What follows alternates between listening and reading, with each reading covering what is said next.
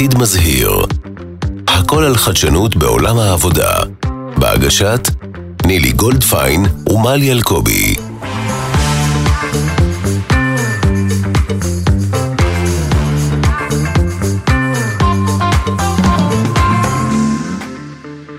קורה? מה העניינים? מה קורה? נילי. שלום, שלום, שלום לכולם. מה הולך? אה, לא הולך, רץ. רץ הולך לאיבוד. תקשיבי, אנחנו בעולם העבודה החדש, וכמה שהעבודה מהבית נשמעת כזה 2020, אנחנו עדיין באירוע מתגלגל עם הסיפור הזה. את יודעת, דיברנו על זה. זה נורא נורא קשה לאמץ שינויים, באמת. וככל שאתה מנהל יותר בכיר ויותר מוצלח, וככל שאתה ארגון יותר מוצלח, אתה, קשה לך לזרוק את מה שהביא אותך להצלחה, אתה לא באמת מבין שהזמנים השתנו עד שהם לא טופחים לך בפנים. ממש, אני ממש מרגישה שאנחנו באיזשהו סוג של אה, שוב אה, מטוטלת אה, משברית סביב הנושא של אימוץ היכולת שלנו לעבוד מרחוק, אין אם זה מהבית, אין אם זה מבית קפה, היום כבר מדברים על work from anywhere, אבל באמת, לא מעט ארגונים, בתקופה האחרונה הממש עכשווית, ככה מתלבטים ושוקלים מחדש, האם uh, להפסיק את העבודה מהבית. אני כמובן מזועזעת מזה, אבל אני יכולה גם להיות אמפתית לזה ולהבין את זה, ו- ו- ו- ובאמת חשוב לדבר על הדברים האלה, כי בעולם העבודה החדש, אחד הדברים החזקים שכולנו צריכים להפנים זה, שאי אפשר ללכת אחורה, זו טעות אסטרטגית. אנחנו צריכים ללכת קדימה ורק לשכלל את מה שכבר עשינו ולשפר אותו, וזה בסדר גמור ללמוד מטעויות ולשדרג, אבל ללכת אחורה זה פשוט לא. כן, אבל את יודעת, כשאלון מאסק עכשיו קנה את טוויטר, אחד הדברים שהוא אמר, ובצורה מאוד מאוד אגרסיבית, זה מי שלא חוזר לחמישה ימים במשרד ועובד מצאת החמה עם צאת הנשבה ומגניבים לו משולשים של פיצות מתחת לדלת, שפשוט uh, יתפוטר בעצמו ושישאר בבית. ואנשים שנחשבים בעינינו מין סוג של אורים ותומים של ניהול אומרים דבר כזה, זה רגע, רגע, הוא לא, הוא לא הורים ותומים של ניהול. יש הוא אנשים, לא. יש אנשים שחושבים ככה. אולי של טכנולוגיה, ניהול, הוא כאילו לא... דעתי עליו היא גרועה מאוד, אבל את יודעת, אני לא חזות הכל, יש לא, הרבה לא, מאוד אני אנשים ספציפית כאילו רוצה שנחדד את הנקודה, ואת יודעת מה, מה שאת אומרת עכשיו מזכיר לי מאמר נורא מפורסם שקראתי לפני המון שנים בהרווארד, על ה... אה, אה, איך הם קראו לזה? תפוחים רקובים בארגון. הם באים ואומרים, בסוף, בתוך ארגונים, גם אם יש לנו אנשים מבריקים, כמו אילון מאסק, אה, העובד, אפילו לא המנהל והמייסד, נגיד שהוא היה אחד המבריקים אה, בכל חברה, יכול להיות שהם מביאים את החברה למקומות מדהימים, אבל לפעמים ההתנהגות שלהם כל כך בעייתית, בהיבט של אתיקה, בהיבט של uh, יחס לבני אדם, בהיבט של גישת ניהול, שלפעמים אנחנו צריכים להיפרד מהם גם עם מבריקים, ואני חושבת שאילון מאסק, עם כל הכבוד, באמת, כדאי שייקח את uh, כיסא הניהול מטוויטר ויעשה דברים אחרים שהוא טוב בהם, לא את זה. ועדיין יש הרבה מאוד מנהלים שאני מכירה, שאני מדברת איתם על עבודה היברידית, שאומרים לי, הנה, אפילו אילון מאסק אמר, שזה פוגע במחוברית של העובדים לארגון. כי הם רק רוצים למצוא מישהו נכון, ש... נכון. שישקף את הפחדים והחששות שלהם, נכון. כי הם לא יודעים לסמוך על אנשים. כן, אמון זה נושא בעייתי וכאוב. נכון. אז איך אתה באמת, בואי בוא, בוא נדבר באמת על אמון. אמון זה, זה, זה ליבת הליבות של אה, עבודה מרחוק ו, ולעבוד עם אנשים uh, בעידן המודרני, ויש נתונים מטורפים על אמון. אני, אני רגע אתן קצת נתונים, ואז אני קצת אשאל אותך אה, איך את בנושא הזה, ואת האורחת הנחמדה שלנו כאן והחשובה שלנו כאן. אנחנו נתחקר היטב על הנושא, כי באמת הזמנו אותה, כי הם עושים דברים מדהימים בארגון שלה בהיבט של אמון. אה, אז בהרווארד חקרו את הנושא הזה, ויש להם את אחד המחקרים הכי גדולים על זה, וממש נתונים כאלה קשים. ברגע שארגון מחנך לזה, מלמד את זה, מייצר את זה בצורה טובה, כלומר, שאני מרגישה שאני יכולה לדבר על הרבה דברים בלי לפחד, ושמשתפים אותי בקבלת ההחלטות, ושיש רמת שקיפות גבוהה, ואפשר לדרג את האמון אמפירית גבוה, יש 106 אחוז יותר אנרגיה לעובדים, 74 אחוז פחות סטרס, 76 אחוז יותר מחוברות, ו-50 אחוז יותר פרודוקטיביות. והמחקר הזה מזכיר לי משהו שאני הרבה פעמים מרגישה כשאני קוראת מחקרים פלצנים של הרווארד ביזנס ריוויו. היה לי בוס שהיה קורא לזה The Bright Flash of the Obvious. כאילו, כולנו מסתובבים בין בני אדם, לכולנו יש מערכות יחסים, ואני חושבת שרובנו שירתנו בצבא או במסגרות אחרות, ואנחנו יודעים בבטן, ואנחנו לא צריכים שום מחקר מהרווארד, שאם יש אמון, גם יותר כיף וגם יותר מצליח, וכשאין אמון זה חרא בלבן. נכון. הנה סיכמתי את המחקר של ההרווארד ביזנס ריוויו. תודה, תודה נילי. אז היום יש לנו כאן את דפנה בן ארי, סמנכ"לית משאבי אנוש, MSD ישראל, מה העניינים? אמרתי את זה נכון? כמעט, MSD בישראל, כי MSD ישראל זה חלק מהחברה, אה, אבל... אוקיי. אבל היא אמרה דפנה ולא דפנה. התאמנתי על זה. זה חשוב לדייק, נילי עם גרשיים ו... כן.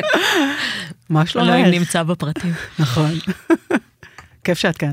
כיף להיות כאן, מרגש ומשמח. אז תציגי דפנה, לנו. מה זה בשבילך אמון, לפני שמתחילים עם MSD והפרויקטים המדהימים שעשיתם? ומי זאת דפנה? נכון.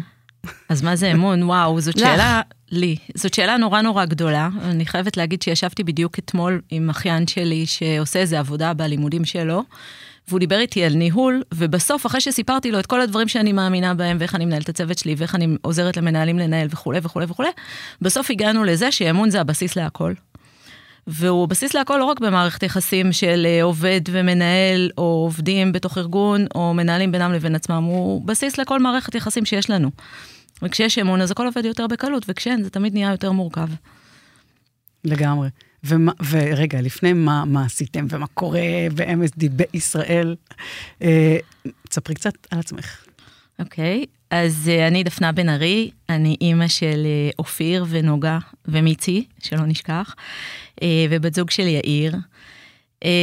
אני כבר די הרבה שנים, אני חושבת שבחשבון פשוט קצת למעלה מ-20 שנה בתחום משאבי האנוש על נגזרותיו.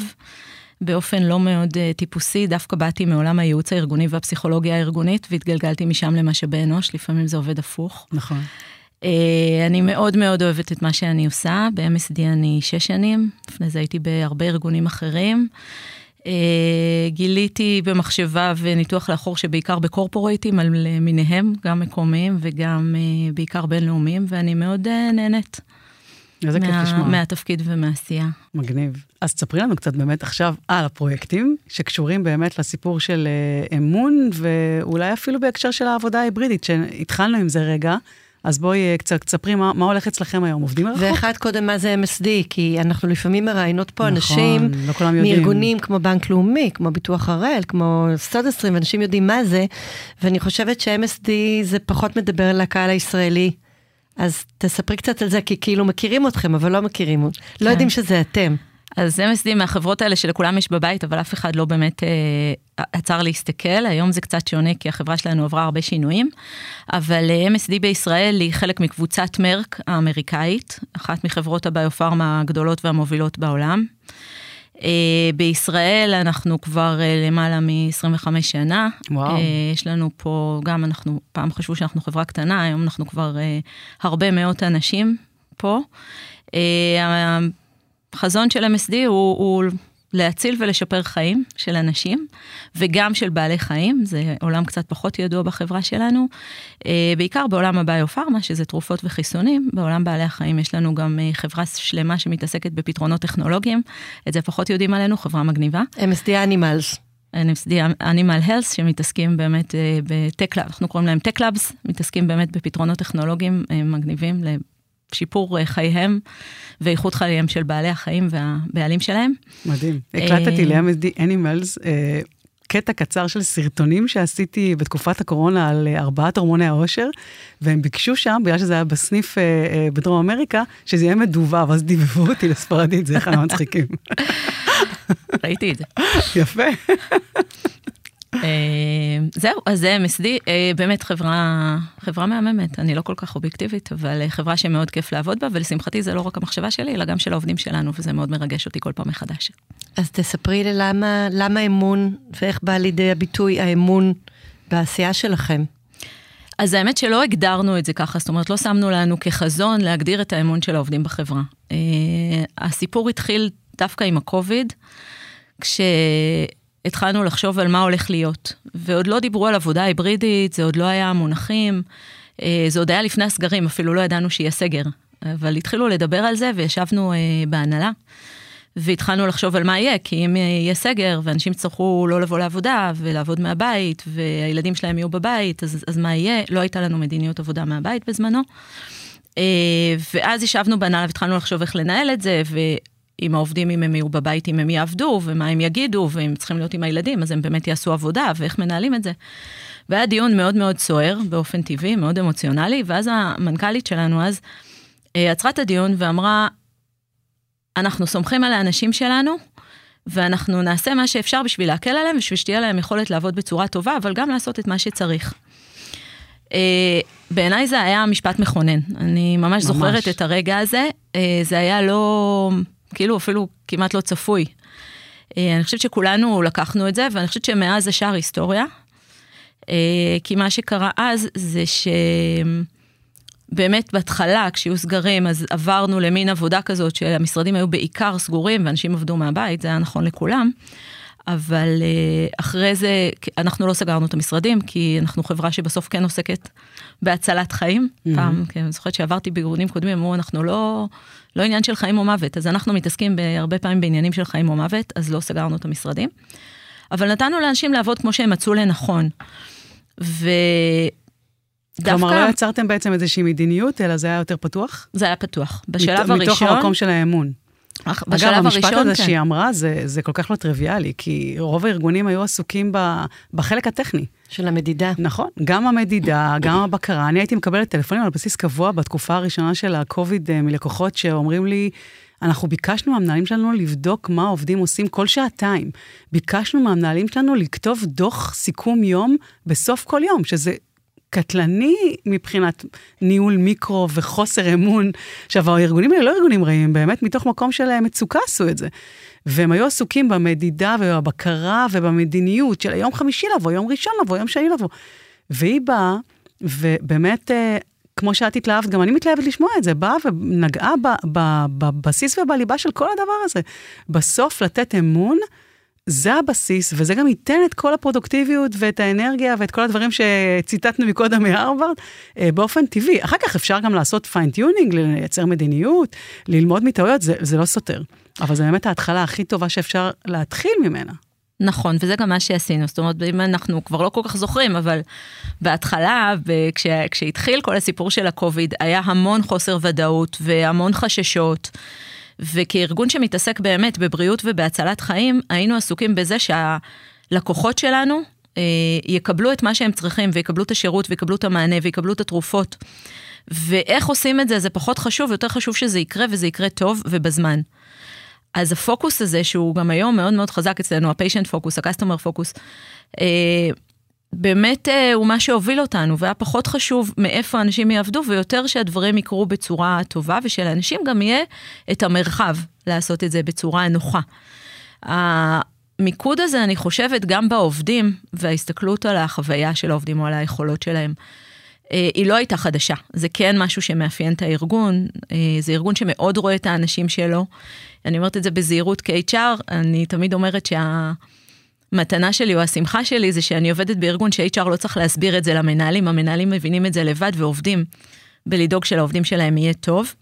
אז זה באמת אה, משמח מאוד. אז לא, אז זה לא נפל על משהו לא קיים.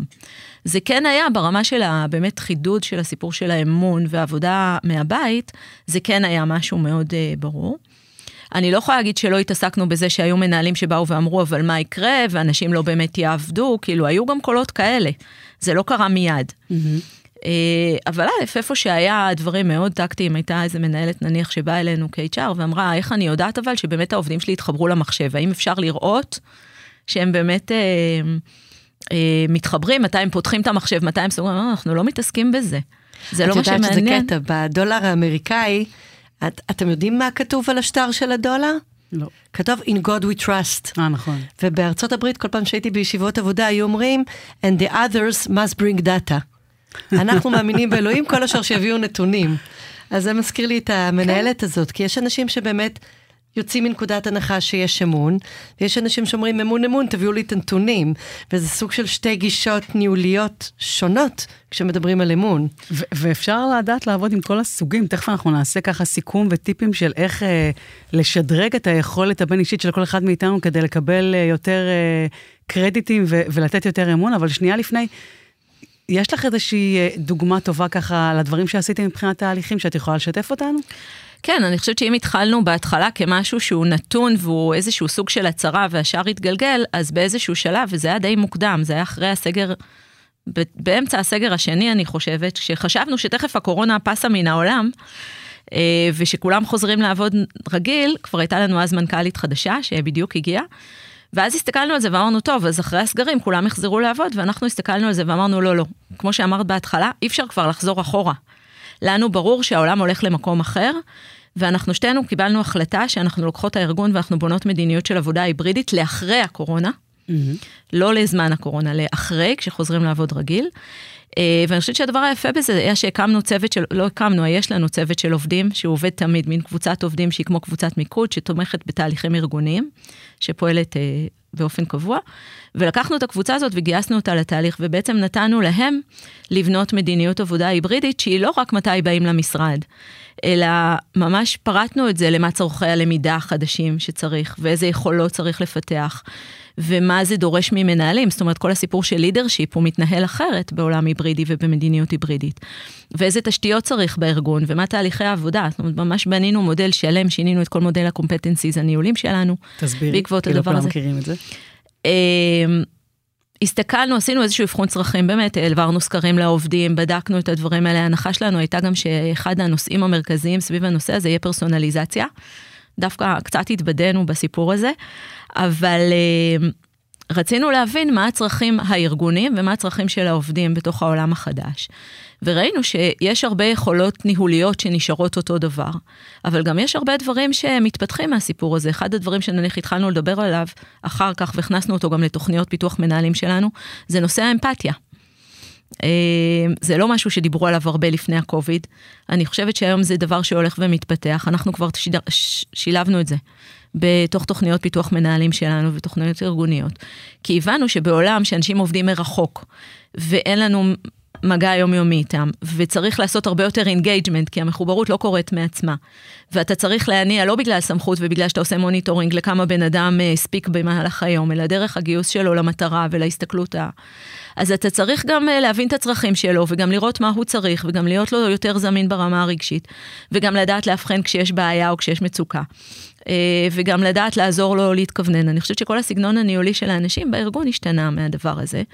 אני כן יכולה להגיד שאחד התהליכים שאנחנו מתעסקים בהם היום, שהוא כבר אחרי, זה שאנחנו אה, בונים איזה שהם סדרי עדיפויות ארגוניים היום ומסתכלים על האסטרטגיה שלנו, ועברנו באופן מאוד גורף לדבר מ...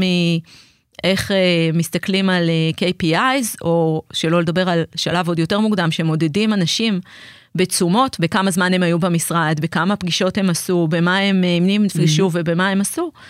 אה, אפילו כבר לא ל-KPIs כאלה של אה, תפוקות, אלא לדבר על אימפקט, ועל איך אנחנו מצליחים לעשות שינוי ולהביא ערך. וזה שיח ארגוני שהתפתח, ואני חושבת שלתהליך הזה של אמון, ושל היכולת לסמוך על האנשים ולהעצים אותם ולתת להם הרבה יותר מרחב, יש חלק מאוד גדול ביכולת של הארגון לעבור למקום הזה. מדהים, אתם ממש עברתם, קפצתם שלב. בתיאור שאת עכשיו עשית, את אה, תיארת המון המון המון דברים. ו, ובאמת לקראת סיום, בואו ננסה קצת לתת טיפים למאזינים שלנו, איך אפשר אה, לשפר את היכולות האלה. אז קודם כל, חדשות טובות. גם אם יש לכם מערכת יחסים שאין בה אמון, אפשר להשיג אמון. כמעט תמיד. ובאמת, במקרים יוצאי דופן, יש את הנקודות uh, הקיצוניות האלה, שמה שנקרא, מה שנקרא נתפטר או נפוטר, או ניפרד, uh, או ייפרדו מאיתנו. Uh, בכל מערכת יחסים, בחיים הפרטיים, בעבודה. Uh, אם נתעקש, נשיג את האמון. שווה להשיג את האמון, כבר הסברנו למה, בעולם העבודה החדש זה ברור לחלוטין. עבודה מרחוק וכל הסיפור הזה של להעצים אנשים דרך המטרה שלהם והאימפקט שלהם, המשמעות שלהם זה קריטי ביותר. Uh, יש לכם עוד טיפים? אמ, אחד, אני חייבת להגיד, אני שומעת אותך ככה, ואני אומרת, זה לא גורף וחד משמעי. אני חושבת שגם היום יש מקומות וגם יש אה, מקצועות מסוימים, תפקידים מסוימים, שזה לא כזה, אתה משחרר לכולם הכל והכל בסדר. זה, זה כן צריך גבולות וסדר וארגון בתוך הדברים האלה. אז אני חושבת שאת זה חשוב להגיד, זה לא לשחרר הכל וזהו. אה, אני כן חושבת שמה ש... שיש כמה דברים שעוזרים בדבר הזה. אחד זה להבין, ואת דיברת על סוגים של אמון או על סוגים של אנשים באמון בתחילת הפודקאסט. אני חושבת שהבסיס שלי בתפיסה הזאת אומר שרוב האנשים בסוף, הם אה, רוצים להצליח, והם רוצים אה, לעשות טוב, והם רוצים לעשות את הדברים בצורה טובה, והם רוצים לקבל הוקרה והערכה. ולכן כשאתה תשחרר להם ותיתן להם את המרחב, אז הם יעשו את זה הכי טוב. ו... ויותר מזה, אנשים יעופו כשאתה תיתן להם את המרחב ואת הרוח הגבית. בסדר? ואז הם יכולים אה, להביא יותר, ואני חושבת שאנחנו מאוד מרגישים את זה ברמה של החדשנות שלנו, של ההובלה, של ההצלחה. אחד הדברים שנורא שמחתי לראות בסקר הארגוני, ה... לא זוכרת אם זה האחרון או לפני האחרון שלנו, זה שאנשים דיברו על זה שבארגון, אחד, זה safe to speak up, ושתיים, שיש הרבה יותר תרבות של אה, תגמול על אה, הצלחות, מאשר תסכול או חוסר, או, או איזשהו תגמול פחות טוב על חוסר הצלחה או על כישלון. ועל תעוזה מתגמלים. והמקום הזה של באמת לעוף ולהתנסות וללמוד דברים חדשים, הוא משרת את הארגון, וזה נורא נורא חשוב. מדהים, את ממש גם מראה כאן תוצאות שזה כבר עובד. כאילו, מה שאתם עושים זה עובד. אנחנו רואים את זה מאוד... תני לי מילה לסיום. סליחה שאני קוטעת אתכם, אנחנו פשוט כבר מעבר לזמן שלנו. אני כרגיל עם הפשטות של כן. החוכמה של ההמון. יש משפט באנגלית, walk your talk, talk your walk. אם הארגון אומר ועושה באותו כיוון, או לא אומר ולא עושה באותו כיוון, זה מפתח אמון. נכון. אם אתה אומר משהו ועושה הפוך, זה כל כך קשה לבנות אמון וזה כל כך קל לפרק אותו. אז אני אומרת, גם אנחנו כעובדים, גם אנחנו כמנהלים וגם אנחנו כארגונים, נבטיח ונקיים, זה מספיק בשביל להיות סבבה. זה לא דורש הרבה, אנשים מרגישים את זה. נכון, זה אינטגריטי גבוה שכולנו צריכים כל פעם לשפר אותו, ותמיד יש מה לשפר. כל אחד מאיתנו יכול לשפר את זה. אה, ובאמת המקום הזה של... אה, Uh, הנושא של walk the talk הוא, הוא קריטי מאוד, מתחברת לזה מאוד, זה יפה לסיום, ואהבתי גם את כל המשפטים, המפרשים והרוח, ובכלל, אתם עושים עבודה מדהימה. ותודה רבה שבאת, היה מרתק לשמוע את זה, וארגונים יקרים, אנשים יקרים, תקבלו השראה, זה הכיוון הנכון. תודה רבה. תודה לכם. עתיד מזהיר, הכל על חדשנות בעולם העבודה, בהגשת נילי גולדפיין ומלי אלקובי.